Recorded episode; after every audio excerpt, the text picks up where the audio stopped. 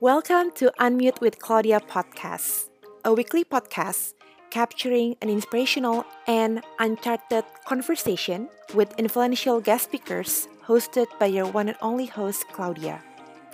You sure don't want to miss it. So, tie it up because Unmute session starts now.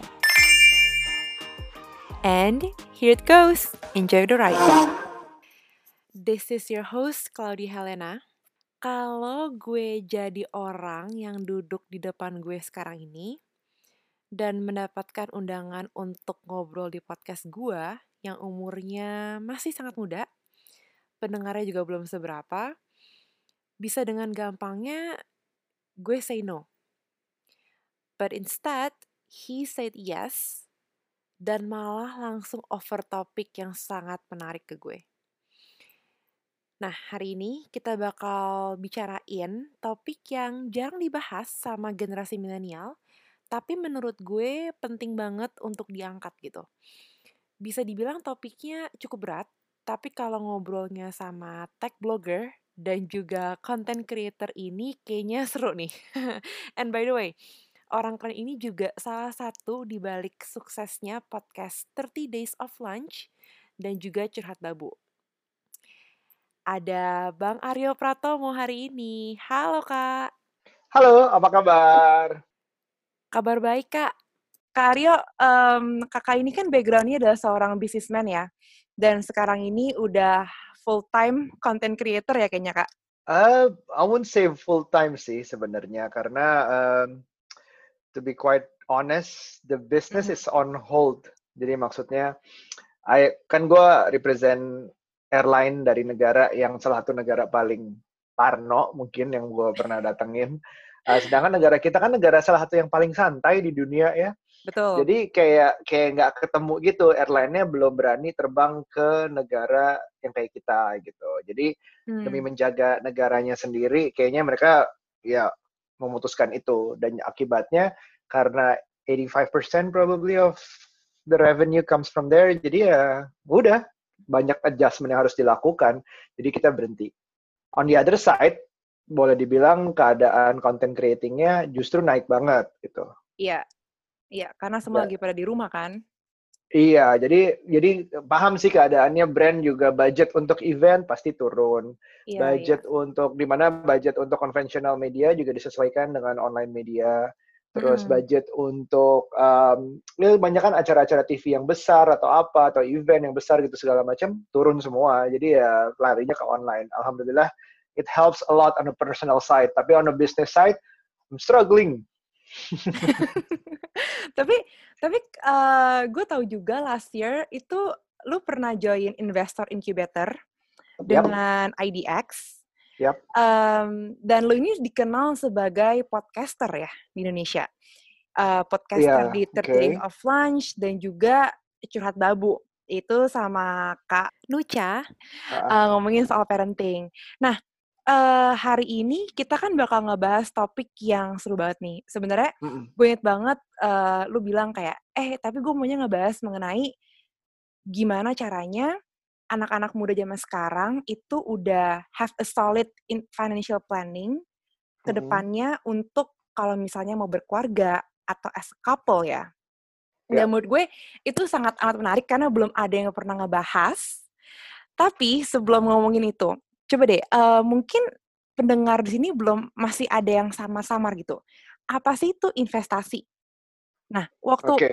pertama kali banget uh, you heard the word investment, itu umur berapa, Kak? I I probably didn't remember. Uh, nggak nggak nggak inget ya. Investasi ya berarti udah pasti umur umur umur mungkin sesudah bahkan sesudah kuliah karena kuliahku pun nggak sama sekali ngomongin nyimpen duit sih lebih ke arah ke um, nyari kerja terus mm -hmm. pengen kerja kayak apa pengen bikin apa tapi kayak nyimpen duit tuh nggak ada I'm I was so bad at at saving. Jadi kayak wow. misalnya di zaman kuliah pun duit tuh cara savingnya tuh bukan nggak nggak nggak nyimpen duit ya, bukan nggak nggak tahu cara berhemat, tapi berhematnya dengan cara yang salah. Contoh hmm. gue segitu pengennya celana jeans, tapi gue rela um, seminggu dua minggu tuh makannya bener-bener Indomie doang gitu. Jadi kayak gas mengorbankan kesehatan demi sesuatu yang dapat it's it's a wrong thing to do to how to save sih sebenarnya jadi kayak uh, udah kecekadut banget amburadul duit habis tinggal minta. Uh, alhamdulillah masih ada yang mau kirim cuman ya memang memang uh, itu bukan sesuatu yang yang dicontoh sih. Jadi sering-sering sering mepet gitu segala macam untung hidupku memang nggak ada yang walaupun duit habis itu bukan duit habis untuk barang-barang mahal juga gitu. Emang emang dikasihnya sedikit mungkin gitu. Terus udah gitu begitu masuk uh, perjalanan panjang sih kalau kuli kalau mau habis kuliah langsung kerja juga semuanya masih belum ada mikirin investasi. Mm-hmm. investasi itu masih sesuatu yang dianggap tuh kayak ah udah nanti aja satu. Ah, ribet gimana ngitungnya sih uh, gim apa sih yang dimaksud investasi? Pilihannya kok banyak banget terus gimana gue profitnya apa segala macam terus kalau misalnya mau masuk pun yang didengar adalah saham uh, terus properti terus hmm. emas terus kayak semua tuh kayak ada orang tengahnya yeah. ada saham ada broker properti ada agent terus kayak uh, kayak seolah-olah mau beli tanah aja yang harus cari yang paling murah, yang nawarnya gimana, yang ribet banget deh. Ada yang buat digoreng lah kalau saham segala macam. Ya udah mundur terus nggak berani. Jadi kayak bener-bener baru baru financial planning ini I, at my second marriage. That that bad, I was that bad gitu. I need I need to fail um, kehabisan duit di sekolah pernah. Hmm. I need to fail at first marriage. Akhirnya baru second marriage yang kayak learning from mistakes banget gitu. Jadi ya baru hmm. second marriage ke financial planner itu juga masih di financial planner pertama kita serahkan semuanya aja ya udah ya udah deh ke mana aja deh mau ditaruh di mana mau di pos-pos mana ya kita ikutin aja baru yang sekitar dua tahun ke belakang ini baru benar-benar belajar so I won't recommend going my path tapi I would recommend listen to the podcast untuk belajar what I did wrong gitu mm-hmm. iya iya iya wow gue gak nyangka sih uh, you you actually have no clue about investment dan cara pakai duit dan sekarang ini mm. lu join the investor incubator gitu kan. It doesn't make me good though. Maksud gue, um, gue gue senangnya kalau misalnya selama ini bikin podcast, bikin uh, sharing itu adalah justru pengennya orang tuh dengernya dari kesalahan gitu, biar nggak gitu gitu. Jadi yeah. biar nggak um, lo ya udah nih kayak things that I wish I knew when I was 20 ya udah nih gue udah 30-an sekian nih gue kasih tahu nih harusnya lo tahu tentang hal ini walaupun misalnya investasinya nggak cocok dengan lo ya hmm. kan kan investasi kan harus mikir profil resiko harus mikir uh, tujuannya apa aja umurnya tergantung kesehatannya mau punya anak berapa mau apa segala macam tuh banyak banget finance is very personal gitu Yeah. Jadi, tapi gue tujuannya adalah memperkenalkan segala macam opsinya. Jadi tinggal di pilih aja nanti cocoknya yang mana itulah yang gue lakuin mm -hmm. sekarang lagi masa kritis kayak gini masa covid um, ekonomi lagi susah banget gitu do you think right at this moment itu masih a good time to invest oke okay. ini gue masih baru ya dalam investing ya jadi mm. uh, kalau semua pada berpatokan Warren Buffett you know buy when everyone is afraid, terus uh, yeah. get greedy when everyone is afraid and everything. Um, gue masih susah menentukan is this the lowest part, is this everyone apakah sebenarnya udah pada takut, so, haruskah gue greedy sekarang? Mm -hmm. um, gue masih belum tahu ya. Um, jadi gue menaruh melihatnya tetap balik lagi investment harus sesuai dengan tujuannya harus sesuai dengan posnya, harus ada budgetnya masing-masing. Kebetulan profil resikonya kita juga udah belajar. Gue itu uh, agak agresif. I, I used to have a gambling problem apparently. Uh, sedangkan Nucha itu very konservatif. Jadi kita berusaha taruh posnya masing-masing mana bagian untuk agresivitasnya ini dikeluarkan. Mm -hmm. Jadi mana bagian yang harus konservatif. So uh, investment di gue tetap secara reguler sih. Makanya Nucha masih bisa reguler uh, ori, SBN segala macam. Kalau gue dibebaskan sama Nucha ada tapi dengan kantong sendiri. Jadi oke okay, this money lo kalau mau invest ya udah uh, just let me know what it is tapi nggak keluar dari situ segala macam. Jadi so I keep looking at stocks every day cuma untuk belajar dulu um, lihat ada apa perubahan berita. So I ya harus lihat kayak gitu dan dibikin rutin uh, budgetnya segini oke okay, itu harus masuk ke mana ke mana ke mana gitu so uh, is it a perfect timing it could be it could be karena setiap krisis ekonomi itu lahir orang kaya baru ya. Hmm. Orang kaya baru di mana Sandiaga Uno, um, siapa, uh, Haritanu di saat-saat yang dia kan mereka besarnya lahir dalam tanda kutip itu kan masa krisis. Yeah. It could be us, but it could be via stocks, tapi could be via something else, create business. Selama ini cara yang paling cocok buat gue investment adalah di stocks tapi di bisnis sendiri, something that we have control at. Uh, terus kita bisa invest di beberapa bisnis lain sama teman. Uh, stocks is something I'm still learning for. Uh, um, sekarang ada di minus berapa? Masih minus kok, masih minus sekitar 17 persenan. So, eh nggak deh hari ini bagus, 16 persenan. So, hmm. it's still a learning process sih. Jadi harus dipelajari, fundamentalsnya masih harus dipelajari, tujuannya apa, uh, bareng-bareng part of the journey sama istri segala macam itu harus penting sih. Jadi menurut lo di saat-saat kayak gini lebih baik kita nabung aja sebanyak-banyaknya dan coba observe nah, the market. Nabung itu bisa dalam bentuk invest karena kita ngelihatnya um, walaupun turun kan ada average down tau kan ya? Iya. Jadi kalau di saat kita turun ya kita tetap beli aja selama itu fundamentalnya cocok dengan kita. Gue ada peraturan sendiri kalau itu harus bidang yang gue sedikit tahu. Misalnya dari dunia mining atau agriculture, um, probably far from that industry. Tapi kalau dari segi um, apa namanya teknologi, dari segi banking, finance itu masih mungkin sedikit lebih dekat. So gue learn itu karena kalau nggak ada ketertarikan nggak akan belajar sih jadi jadi menurutku um, tetap invest, tetap invest dari segi yang beberapa fundamentalnya karena Indonesia menurut gue juga masih under uh, mm. akan selalu naik in the long run, in a very long run seperti yeah. dilihat juga kita juga pasti saat ini sih lagi bounce, cuman ya tetap harus perhatiin berita-berita COVID, berita-berita mm. um, trade war, berita-berita recession segala macam harus tetap diperhatiin. Jadi in the long run gue masih yakin never a bad time to invest in good stocks sih, in good fundamentally good emittents. So udah banyak banget trial and error di sebelum-sebelumnya. Mm-hmm. You as a older millennial, kalau boleh dibilang. I'm still old... millennial. Oke, okay. uh, menurut lo cara-cara atau step awal investment seperti apa yang menurut Kak Aryo itu wise and smart? Cara-cara awal investment, ini kita ngomonginnya secara sendiri dulu ya? Iya. Yeah. Oke. Okay. Um, the best investment adalah to know to invest in yourself. Itu udah jelas. Mm. Invest in yourself pun misalnya mau invest di skill, di education, di network itu bagian dari invest in yourself termasuk experience, mau itu travel, mau itu uh, cobain sesuatu yang belum pernah, macam-macam. Mm-hmm. Tapi part of investing in yourself adalah invest to know what is investments are gitu. Jadi right tujuannya adalah mengetahui options available dulu daripada uh, langsung begitu dengar tentang saham, belajar tentang saham apa dalam, terus langsung ke saham. Jadi, hmm. I don't think it's wise. Lebih baik belajar tentang saham, oke okay, segini ya, oke. Okay. Kita belajar yang lain yuk, kita lihat properti itu kayak gimana sih, emas tuh kayak gimana sih, reksadana tuh kayak gimana sih.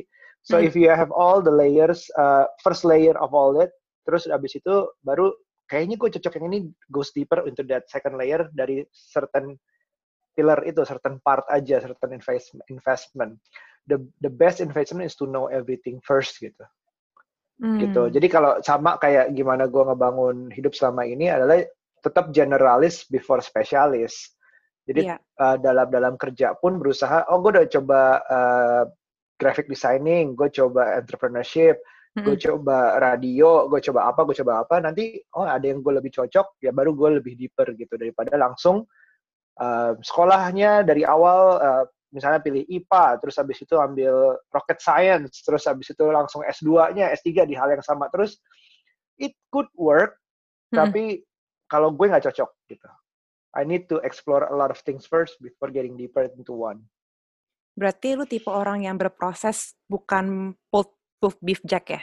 Boleh dibilang gitulah. Hmm, okay, Tapi okay. bisa dibilang juga kalau gue terlalu banyak belajar banyak hal, uh, mm-hmm. jadi uh, niatnya jadi jack of all trades jadinya nggak um, ahli apa-apa gitu jadi yeah. jadi bisa aja terlalu banyak exploring a lot of things jadi niatnya jadi jack of all trades malah jadi master of none gitu Mm-hmm. Mm-hmm. Gitu. Yeah. So you just gotta know where where to finally meet the right spot, terus dig deep into it, like investment. Mm-hmm. mm-hmm. Nah, um, ngomongin topik yang lebih seru lagi sekarang. Hmm. Uh, now sekarang kakak udah um, berkeluarga, punya dua hmm. anak, Airia sama Shuya. Dan gue perhatiin juga sama masa karantin ini aktif banget di Curat Babu. Kayaknya. Okay. Um, ngomongin soal parenting dan uh, aku juga cek parentstock.id yang hmm. Kak, Kak uh, Nuka sama teman-temannya buat. Nah, dan waktu dulu waktu kemarin itu Kak Aryo mau angkat topik ini, sebenarnya apa sih yang membuat Kak Aryo tergerak untuk ngebahas soal kayaknya butuh banget deh anak-anak zaman sekarang yang mau berkeluarga yang mungkin di mid mid twenties untuk tahu dan kenal betul gimana cara financial planning kalau okay. mau berkeluarga. Oke, okay. um, aku mungkin pertama adalah ngangkat di saat perjalanan TTC atau trying to conceive punya anak itu kayaknya baru ngerasain bahwa setelah menikah gue baru ngerasain punya anak tuh nggak gampang ya uh, maksudnya mendapatkan anak sendiri itu bukan proses yang gampang ternyata orang hmm. banyak cerita kita banyak dapat cerita di saat gue kuliah atau temenan punya temen banyak lah ada yang MBA lah uh, nggak sebenarnya belum mau punya anak tiba-tiba jadi hmm. ada yang uh, merit terus langsung dapet. Ada yang kayak oh, oke okay, so that life's gonna be like pretty straightforward. Tinggal menikah terus punya anak. Turns out it's not not at all. Um, perjalanannya beda banget. Aku gagal punya anak di yang pertama pernikahan pertama terus gagal pernikahan itu terus pernikahan kedua juga takes time to to have it. Um, hmm. jadi lebih menghargai proses. Dan begitu aku share tentang kejadian itu terus akhirnya ternyata banyak uh, relate dan resonate ke lebih banyak orang, ternyata ini diperlukan gitu. Bahwa parenting is is a lot of things, it's not just raising your kids, tapi sebenarnya lebih hakiki lagi, lebih dasarnya adalah hubungan antara suami dan istri itu. Aku ngelihatnya perubahan zaman dari patriarki zaman dulu, uh, aku berharap dengan adanya curhat babu, orang tuh terutama bapak-bapak ya lebih bapak-bapak atau suami lebih ngerasa bahwa uh, bikinnya berdua itu ngurusnya berdua itu satu. Gue juga pengen bapak-bapak itu lebih affectionate. Affectionate tuh artinya bukan menye-menye ya, bukan bucin lah istilahnya sekarang, bukan bukan kayak gitu doang, tapi lebih ke arah um, bisa menunjukkan emosi termasuk ke pasangannya termasuk ke anak-anaknya karena itu akan memudahkan banyak banget ini aku mau bahas di curhat babu juga banyak hmm. banget kayak kejadian seperti daddy issues seperti yes. orang orang-orang yang ngerasa bahwa um, melakukan sesuatu mencari partner atau cara raise anaknya itu sangat relate dengan hubungan dia ke orang tuanya dulu gitu jadi chain hmm. reaction yang yang bisa bisa malah tetap kondus apa malah nggak benar menghancurkan gitu. Misalnya dulu apa jadinya kalau dia dulu disiksa orang tuanya? Atau orang tuanya uh, cerai? Atau orang tuanya cerai nggak baik maksudnya? Atau enggak orang tuanya abusive? Atau um, as simple as orang tuanya dingin? Gitu. Kebanyakan kebanyakan orang tua atau bapak-bapak zaman dulu itu yang kayak ada ada jembatan sama anak, ada ada tembok di antara sorry bukan jembatan, ada tembok sama anaknya di mana dia oh kalau laki-laki tuh harus cari duit, oh laki-laki tuh harus jaga wibawa, oh laki-laki tuh nggak boleh nangis, oh laki-laki tuh harus keras, harus disiplin segala macam. Kan kita kan ngomong hmm. generasi-generasi di atas kita kan banyak sekali yang seperti itu. Terus laki-laki tuh nggak usah hands on sama anak-anak, ah, nggak usah ganti tahu cara gantiin popok, cara ngasih makan segala macam. Akibatnya itu tuh nurun terus ke generasi-generasi berikutnya, nggak ada yang hmm. uh, ngerasain banyak banget yang cerita uh, gue nggak pernah ngerasain segitu deketnya sama bapak gue. Nggak pernah dipeluk nggak pernah dibilang I love you nggak pernah apa segala macam jadi ya gimana lelaki itu perlu bapak-bapak itu perlu ikut ngurus anak gimana lebih affectionate gitu. Dan lebih yang terakhir menurut gue adalah lebih menghargai kebebasan istri dalam artian mm -mm. untuk untuk berdaya. Dan itu banyak banget yang masih belum menurutku Istri hmm. berdaya itu bukan berarti harus bekerja 9 to 5 kantor terus ninggalin anak-anak, bukan tentunya. Kesepakatan konsen bersama istri berdaya ya diomongin apa? Apakah mau berdaya dengan full time ngurus anak itu merasa benar-benar berdaya, go ahead. Apakah berdaya dengan kantoran 9 to 5? Go ahead. Apakah berdaya dengan di tengah-tengahnya antara itu dua? Ya go ahead juga. Tapi harus ada kesempatan kebebasan untuk suami ngasih istrinya suara gitu. Iya. Lo mau apa? Didengar. Ya udah diomongin gitu. Banyak banget ya generasi sebelum kita, bukan semuanya ya, gue nggak generalisir juga, tapi banyak banget yang memang oh nggak boleh kerja sama suaminya, oh harus ngurus anak di rumah, oh harus ini harus itu. Jadi semoga dengan curhat babu ya bisa break the chain, chain. reaction aja. Mm -hmm. gitu. Menurut Kak Aryo pribadi, apakah hmm. penting bagi kita kita yang masih mungkin early 20s atau early 30s nih untuk hmm. udah memikirkan jauh ke sana sampai financial planning untuk berkeluarga nanti? ada iya ada enggak gitu jadi mm-hmm. at least memikirkan masa depan iya tapi masa depan bukan berarti harus ke situ bahkan gue merasa belum tentu semua orang harus menikah gitu belum tentu semua orang harus punya anak ini benar-benar nggak nggak ini benar-benar harus ngobrol ke diri sendiri kayak sadar sepenuhnya sebenarnya maunya apa di ke depannya dan itu berubah juga nggak apa-apa jadi hmm. di saat ini gue lagi pengen nih, uh, gue gue rasanya kebayangin gue pengen banget nikah dengan satu anak aja gitu. Gue pengen nikah dengan 10 anak, gue pengen rame rumahnya. So you keep finding out who, who you are hmm. a long time. Tapi harus think about it sih. Mindfulness adalah lebih ke arah hidup pada saat ini, boleh merencanakan masa depan, tapi tidak melekat gitu. Betul. Jangan sampai masa depan masa depan itu dipikirin setiap hari sampai bikin stres. Jangan sampai mikirin kita nggak punya duit nih lima tahun lagi habis nih. Lima tahun itu juga cukup relatif lama untuk dibikinin, diusahakan. Mm-hmm. Jadi kita masih live in the moment, tapi masih boleh planning. Seberapa penting um, bagi aku pentingnya dari segi knowing everything dulu, knowing bukan everything, a lot of things dulu kalau misalnya kita ini takes time to learn gitu. Kalau hmm. misalnya kita setiap hari-harinya nganggap nggak penting, kita nggak akan mulai belajar juga. Sayangnya di situ. Jadi kita, um, oke, okay, gue mungkin masih mau menikah lima tahun lagi. Sure, you can think in your head like that. Tapi at least from now, kehidupan menikah tuh seperti apa sih? Just for the sake of knowing, uh, duit tuh kalau udah nikah tuh kayak gimana sih? Uh, oke, okay, oke okay, gitu ya. Tapi jangan dibawa stres. Anjir, sekolah anak sekolah mahal banget ya bisa sampai itu kan rame kan di uh, di sosial media yang mm-hmm. yang ada yang bilang uh, melahirkan itu biayanya sampai berapa 80-an juta. Iya. Uh, oh gitu. It in a way itu bisa benar, tergantung bisa aja anaknya bisa nicu setiap hari, ternyata anaknya ada kebutuhan khusus atau apa.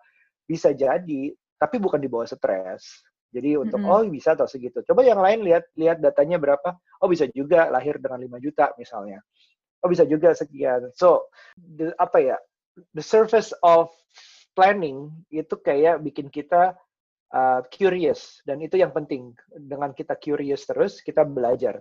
Belajar jauh lebih penting daripada actually uh, stressing about the future. Ngerti nggak?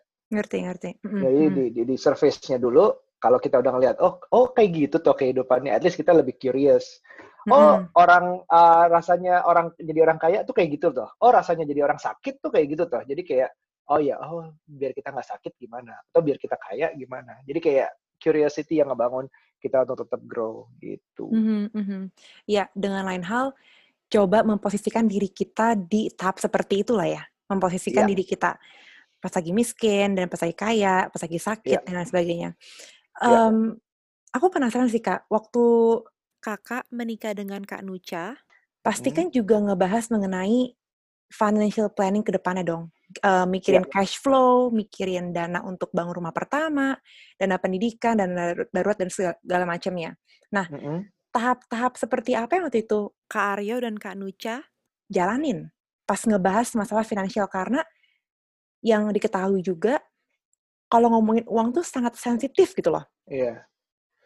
Iya, yeah ngomongin uang tuh sangat sensitif sehingga satu saat um, semua akar permasalahan pernikahan boleh dibilang majority dari ekonomi. Mm. Jadi selingkuh pun bisa disebabkan oleh ekonomi. Uh, masalah ama mertua pun bisa disebabkan oleh ekonomi gitu. Masalah sakit pun kesehatan bisa disebabkan oleh ekonomi. Emang segitu krusialnya sih. Jadi uh, honestly kita kita nggak sempat ngelakuin semuanya kayak pre-financial check-up gitu sebelum menikah, tapi we at least know uh, we open about a lot of things. Jadi sebelum mm. ya begitu, by the time I got serious sama Nucha, uh, dia uh, kita udah buka-bukaan lay all the cards on the table. Jadi kayak nih gajiku segini, um, aku punya aset ini aja. Uh, Nucha uh, kita sama-sama bilang uh, kita ada yang punya utang nggak? Oke, okay, Nucha waktu itu ada utang kartu kredit. Oke, diselesaikan sebelum menikah. Itu keputusannya dia sendiri. Terus ada apa lagi? Ada apa lagi? Ada apa lagi? Kita juga, uh, at least itu aja. At least dasarnya di situ dulu. Kalau mau lebih advance ya, tapi kita nggak ngelakuin waktu itu adalah uh, tanggungan selain diri sendiri. Bisa aja kan kita kan menikah kan menyatukan dua keluarga. You iya. never yeah. know what's behind it. Mau itu lo dari keluarga tajir pun, tapi ternyata di balik itu ada hutang yang melimpah hmm atau enggak ternyata ada masa lalu yang nggak diketahui. Um, dari uh, keluarga kurang mampu kurang mampunya bisa gimana ada siapa aja sih yang harus dibiayain? Apakah orang tua apakah adik kakak? Semua tuh pasti ada cerita masing-masingnya menurut gue. Dan dan dan um, to speak out as much truth as possible is needed. Bukan untuk kayak tiba-tiba putus atau menunda tapi lebih ke arah kayak habis itu apa? gitu. Jadi tahu hmm. dulu habis itu apa itu yang yang kita waktu itu nggak lakuin. Kita lakuin at least um, diri sendiri aja punya punya pendapatan dan utang apa. Next hmm. levelnya ya the external factor. Mm-hmm. itu sih. Tapi menurut Karyo apakah amount or investment antara suami dan istri itu harus sama? Atau mungkin suami lebih banyak? Uh, there's no rule in that sih. Menurut menurut aku eh, yang paling penting adalah semua berdasarkan konsen yang semaksimal mungkin. Jadi emang susah bilang bahwa um, suami istri itu selalu 100% setuju itu nggak akan. Tapi kalau bisa setuju di hal-hal yang prinsipal itu akan lebih gampang. Masalah siapa yang bekerja, masalah siapa yang menghasilkan lebih apa enggak, and, and, and is she or he okay about it itu yang harus dibicarain dari awal banget. Gue juga kenal pernikahan yang uh, dibiarinin aja um, left things unspoken setelah mm-hmm. semakin lama itu semakin susah untuk akhirnya dikeluarkan gitu. Uh, gue nggak uh, bisa nih nggak pernah dapat apa-apa dari dari laki gue cuma dikasih uang sekian setiap bulannya dan itu berjalan selama 10 tahun misalnya itu hmm. akan semakin susah diubah gitu. So a lot of things di awal it should be set di depan gitu di di awal banget sebelum mengambil keputusan hmm. dan jadinya eh, nggak uh, ada keputusan nggak ada saran tepat bahwa harusnya laki berapa persen uh, istri berapa suami berapa persen istri berapa persen harus siapa yang menghasilkan harus siapa yang manage keuangan lebih ideal kalau yang manage keuangan adalah yang tahu dan mau ngurus keuangan keluarganya. Daripada yang lebih kaya atau daripada yang ya walaupun dia berpendidikan di ekonomi tapi kalau dia malas ternyata hasratnya adalah passionnya adalah arts atau apa ya serahkan ke yang lebih niat gitu misalnya. Mm. itu benar-benar fleksibel menurut gue harus harus disetujui eh, dua belah pihak. Kalau gue uh, kita bareng-bareng kita pakai financial planner kita ngakuin kita nggak segitu pahamnya ekonomi di awal uh, financial kayak gimana and kita alhamdulillah punya privilege untuk pay uh, financial planner. Ya udah di tapi kita belajar dari situ. Dan akibatnya sekarang Nucha udah lebih ke arah kayak duta DJPPR gitu. Kayak tiba-tiba investasi ori terus lo jadi rajinan kamu. Iya karena sama kayak spending investment wow. juga nagih loh gitu. Walaupun dia um, nggak kayak fantastic amount tapi dia rutin. And that mm. what what amaze me gitu. Oh ternyata masih rutin terus ya uh, nabung-nabung ini apa investasi ini ya udah baguslah jalanin aja. Karena dia punya mm. pendapatan sendiri dan dia itu rasanya lebih membanggakan gitu. Iya iya iya iya. Gue gue actually percaya sih um, tadi kita udah ngomongin masalah kayak investasi secara duit material. Mm -hmm. tapi gue juga percaya kalau ya lu mau merit itu nggak segampang resepsi terus ya udah gitu loh. Benar, lu harus prepare benar. emotional. Gue sebagai anak baru early 20s tuh gue udah bosen banget dan mungkin lu pernah nanyain ini ke hmm. keponakan lu atau mungkin lu pernah ditanyain. Uh. Udah, udah punya pacar belum? Kapan okay. nikah?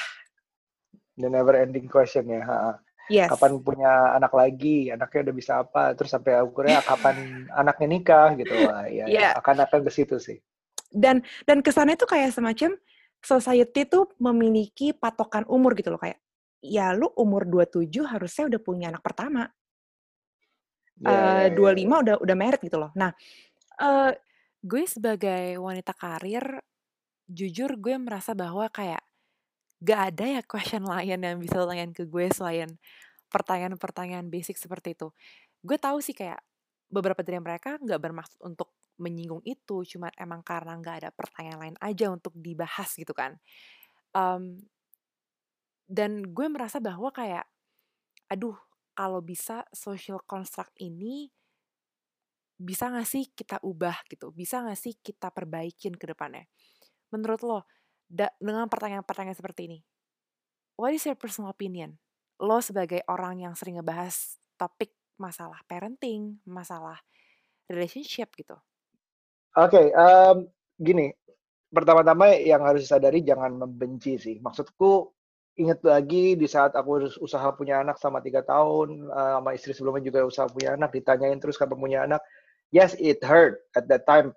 Sakit banget ditanyain terus. Bukan cuman ya sama mungkin sama yang eh, mau ditanya kapan nikah tapi nggak ada nggak punya pacar lah atau masih ada macam-macam kondisi lainnya. Tapi harus Mm-mm. disadari dari sisi mereka juga probably satu dia nggak tahu mau basa-basi apa lagi dan di zamannya mereka itu itu lumrah basa-basi seperti itu. Aha. Um, terus kedua, they probably have a big uh, bigger bad things happening in their life and they wanna Mm-mm. feel better, which is ya susah dimengerti tapi tapi dianggapnya bahwa knowing someone else's life itu bahwa someone else's life ternyata susah juga dia merasa ada teman mungkin. Mungkin. Mungkin nggak exactly the same thing. Atau trying to feel better about themselves that they're better from someone else gitu. Jadi eh, pertama dengan kita memahami itu kita akan lebih menerima oh ya udah oke dia cuma basa-basi dia cuma nggak tahu dia cuma lagi sedih. Ya udah then we move on. Nggak ada nggak ada yang perlu diperangi sih karena pelan-pelan pelan-pelan tuh lama kelamaan dia akan shifting juga. Namanya juga social construct ya. Um, by time itu akan berubah. Mungkin by a very long time it might change. Gak ada yang bisa aku sih udah dalam tahap you don't have to get married at all sebenarnya. Setiap orang tuh nggak ada kewajiban untuk marriage getting married. Mm. tapi gue pasti percaya uh, marriage is an institution that the ultimate institution untuk lo belajar untuk gue. Mhm. gue merasa um, marriage tuh bawa lo ke level berikutnya dalam hidup. Next level, oke. itu ca itu cara gue belajar. Um, it's not for everyone of course. Tapi gue ngerasa selama ini um, getting married has taught me a lot of things. Terus levelnya lagi ada punya anak ada different challenges in life juga. Kalau orang memutuskan untuk nggak menikah terus akhirnya pasti ada kehausan untuk untuk belajar sih. Untuk kayak what's next nih? Mungkin gue Mhm. traveling pindah lagi ke dunia lain uh, drop my job now terus uh, exploring things. Karena orang yang orang yang pengen belajar tuh akan go places sih. Akan pasti juga nggak akan bisa diem di satu satu keadaan. Ya beberapa orang ada yang menikah beberapa orang ada yang traveling. Jadi untuk menghadapi social construct yang ada sekarang just don't hate sih jadi ya memahami aja karena buat apa kita berusaha mengubah orang mau ngomong apa walaupun itu sakit ya mungkin ya dihindari nggak ketemu dia toh kita juga punya batas dalam kepala untuk deket sama orang Mm-mm. Eh, have I have I have I told you this before bahwa setiap orang tuh punya cuman 4, 5 sampai 8 orang di kepala untuk jadi prioritas. Jadi circle nol lo itu akan sekitar segitu doang yang bisa diinget kapan ulang tahunnya, diperhatiin lagi sakit apa enggak, ditanya apa kabar. Kita nggak bisa nanya itu ke setiap hari ke 100 orang atau nggak usah 120 orang aja akan, akan capek sendiri ngikutin mereka kayak gimana. So there are priorities gitu. Orang-orang yang nanya kapan nikah, kapan punya anak, itu kan basically orang yang udah lama nggak ketemu, orang yang Iya. yang yang saudara jauh lama nggak ketemu atau nggak merasa dekat, merasa dekat Mm-mm. atau apa yang yang sebenarnya kalau balik lagi kita we don't need them in life gitu. Oh, oh, ya bukannya mau harus jahat sama mereka, cuman kayak ya udah, oh oke ya udah ah ya dia tanya gitu lah, oke they dia mereka nggak tahu besoknya juga nggak nggak akan ngobrol lagi gitu nggak akan ketemu sama orang-orang yang nanyain itu they're not bad they're just not important in your life menurut gue sih kayak gitu you have these Hmm. priorities mungkin dalam kasus itu I don't know probably your parents itu yang jadi utama sekarang atau enggak yang sudah menikah your spouse and your kids definitely ya udah itu kayak cuman segitu aja orang yang harus diprioritaskan Hmm. hope that helps Iya. Kakak udah berapa lama sih Kak nikah sama Kak Nucha? tahun ke-8 Wow, tahun ke-8 dan eh, udah punya Aira sama Shuya ya. Uh-uh. Em, ada nggak sih pengalaman berkeluarga selama 8 tahun ini yang gila ini sangat eye-opening? I never expect this would happen and your expectation or your perspective about parenting to change because of that specific experience. Eh, banyak ya Eh, sebenarnya saat ini juga eye opening sih di saat eh, pandemik ini Mm-mm. uh, what matters. Tapi juga kalau kita mundur, uh, the journey Mm-mm. awal banget adalah the journey you finally conceded, apa uh, trying to concede kan, itu akhirnya kita conceded ternyata prosesnya yang segala macam bukan emang menyesali proses yang udah kita lakuin, tapi kayak nggak ada bagi kita nggak ada satu faktor yang bisa bikin pek hamil gitu. Mm-mm. Jadi banyak perjalanan yang kita rasain terus I still remember that day that akhirnya dua garis terus udah gitu um, habis itu perjalanan itu juga hamilnya relatif lebih mudah Nuca tapi begitu lahir uh, itu challenge baru di life. I, I see it as a challenge karena gue ngelihat Nuca itu uh, sebagai cinta yang dipilih ya. Tapi kalau Oh. tiba-tiba sama sama anak itu kayak darah daging. Lo lo bisa gue bisa berhenti berhenti cinta sama istri gue tuh bisa aja terjadi. Tapi kayaknya there is no ex son ex daughter kan ya. There is no nothing like that. There is ex wife segala macam. Yes. makanya sama Nuca pun harus diusahakan. Tapi sama anak itu begitu anak gue lahir it's something so natural.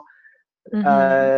gue lihat banget video terus langsung gue pengen nangis nontonnya karena uh, about few things that uh, a parent learn about having a having children is the ability to love someone more than you love yourself karena itu kayak natural banget begitu dia lahir. Lahir I don't know it's just the the the biggest feeling I've ever experienced gitu. Kayaknya lo nggak perlu usaha lo nggak perlu kayak cari tahu dia tuh apa sih bagusnya dia tuh apa Mhm. sih lebihnya dibanding yang lain. Enggak it's just there. Karena darah daging mungkin ya.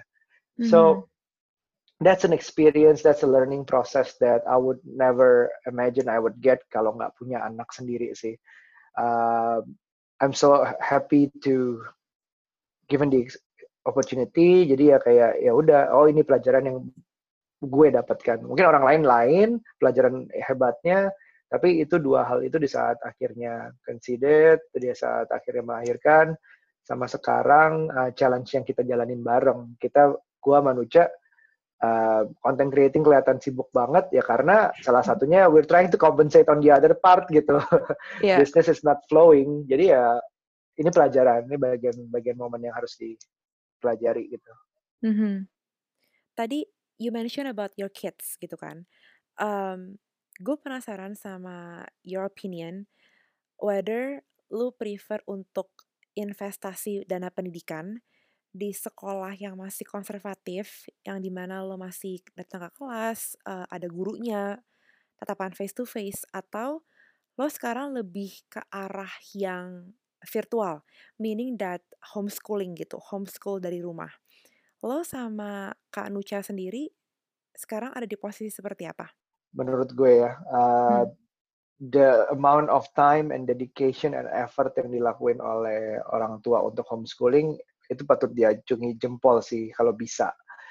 Gue manusia gue bilang gue nggak sanggup. Gue masih dalam tahap pengen belajar cari ke- uh, cari penghasilan sebanyak-banyaknya sehingga education walaupun penting itu di rumah. So we're in the middle of di rumah itu juga harus ada education yang benar dari kitanya, terutama orang Mm-mm. tuanya. Tapi other than that kita nggak sanggup untuk full time di rumah atau spend more time than we already had now. Bahkan sekarang aja kita kita struggling dengan online schooling. Iya. Ya Allah, anak 2 tahun, anak 4 tahun attention span-nya masih pendek banget. Mm-mm. testing our our temper untuk untuk ngajarin yang kayaknya setiap hari uh, ini Aira masuk sekolah nih tanggal 13 tuh minggu depan. Minggu depan. Um, akhirnya online schooling every day masuk TK dan ini it's a new challenge for us juga yang dulu kebanyakan adalah selama di sekolah ya udah di sekolah uh, kita ada tugas di saat kita nggak segitu stresnya kayak sekarang gitu. Kita kan dalam yeah. keadaan bapaknya aja lagi susah cari duit, gue harus mikirin sekolah anaknya udah gitu bayar lagi yang kayak do, ber, bertumpuk-tumpuk gitu. Ya udah ya, akhirnya kita sekarang bahkan yang kedua anak kedua uh, Shua itu dua tahun ya kita cutiin dulu karena mungkin oke okay, ada waktulah. Untung anak kita belum SMA ya, belum SMP ya, jadi kayak nggak harus sekolah segitunya dulu jadi ke sekolah masih bisa di rumah jadi aku sama Nuca ya take some time untuk lebih belajarin jadi kayak kita kita tuh dalam transisi nggak bilang hmm. prefer yang mana, uh, tapi kayak um, keadaan kayak memaksa kita untuk pindah dari yang full dilempar ke sekolah 100%, diserahkan ke sekolah, lembaga sekolah, dibanding dengan yang kita lebih berperan sekarang. Ya mau nggak mau setiap hari itu ada ada elemen yang harus kita kasih, elemen pembelajaran yang harus kita kasih ke anak. Bukan dalam bentuk duduk di, oh kamu dengerin ya, ini kita ke kelas ngajarin matematik segala macam, bukan dalam bentuk itu. Tapi gue percaya anak belajar dari everything that the parents do Makanya balik lagi kenapa parent talk ada, kenapa curhat babu ada, adalah anak tuh akan ngelihat gimana sih bapak memperlakukan ibunya, gimana kita argumen. Yeah. Gue nggak bilang untuk berantem itu jangan di depan anak ya, nggak selalu harus kayak gitu. Mm -hmm. Kalau bisa berantemnya tentu nggak fisik dan nggak uh, uh, kekerasan verbal juga, tapi juga kalau misalnya kita argumen, aku sama Nuca, anak lihat, kasih argumen yang sehat, dan juga harus selesaikan depan anak juga gitu. Hmm. Banyak banget anak bisa belajar dari apa yang dilihat dari sekitarnya. Bukan cuma kita, tapi juga misalnya ada mbaknya, yang mbaknya juga harus diajarin. Misalnya ada siapa pun di rumah, orang tuanya, ah, neneknya, atau ya mertua gue atau nyokap gue gitu segala macam harus dijaga hmm. juga gitu. Itu yang itu yang penting sih. Sekarang kita dalam masa transisi. Kita dalam masa transisi gitu. Ya, gue setuju sih sama yang tadi lu bahas. Gue belum punya anak ya, uh, tapi denger cerita lo gue jadi pingin banget punya anak kayak um, gak sabar gitu loh momen itu datang dalam hidup gue gitu. Uh, cuman maksud gue, gue respect tinggi banget sih sama orang tua yang bener-bener komit mau homeschool anaknya karena yang tadi lu bilang bener gitu loh. It takes double the effort kalau lu bener-bener mau komit full time homeschooling kan. Um, wow, udah mau hampir satu jam aja ya. But dari seorang Aryo Pratomo, ada nggak sih semacam pesan atau prinsip penting yang menurut lo anak-anak Indonesia zaman sekarang itu harus aware? Um, kayaknya udah banyak ya yang tadi aku omongin ya bahwa uh, there's so much life ahead terutama kayaknya yang dengerin ini 20-an ya um, mm in your in your age range.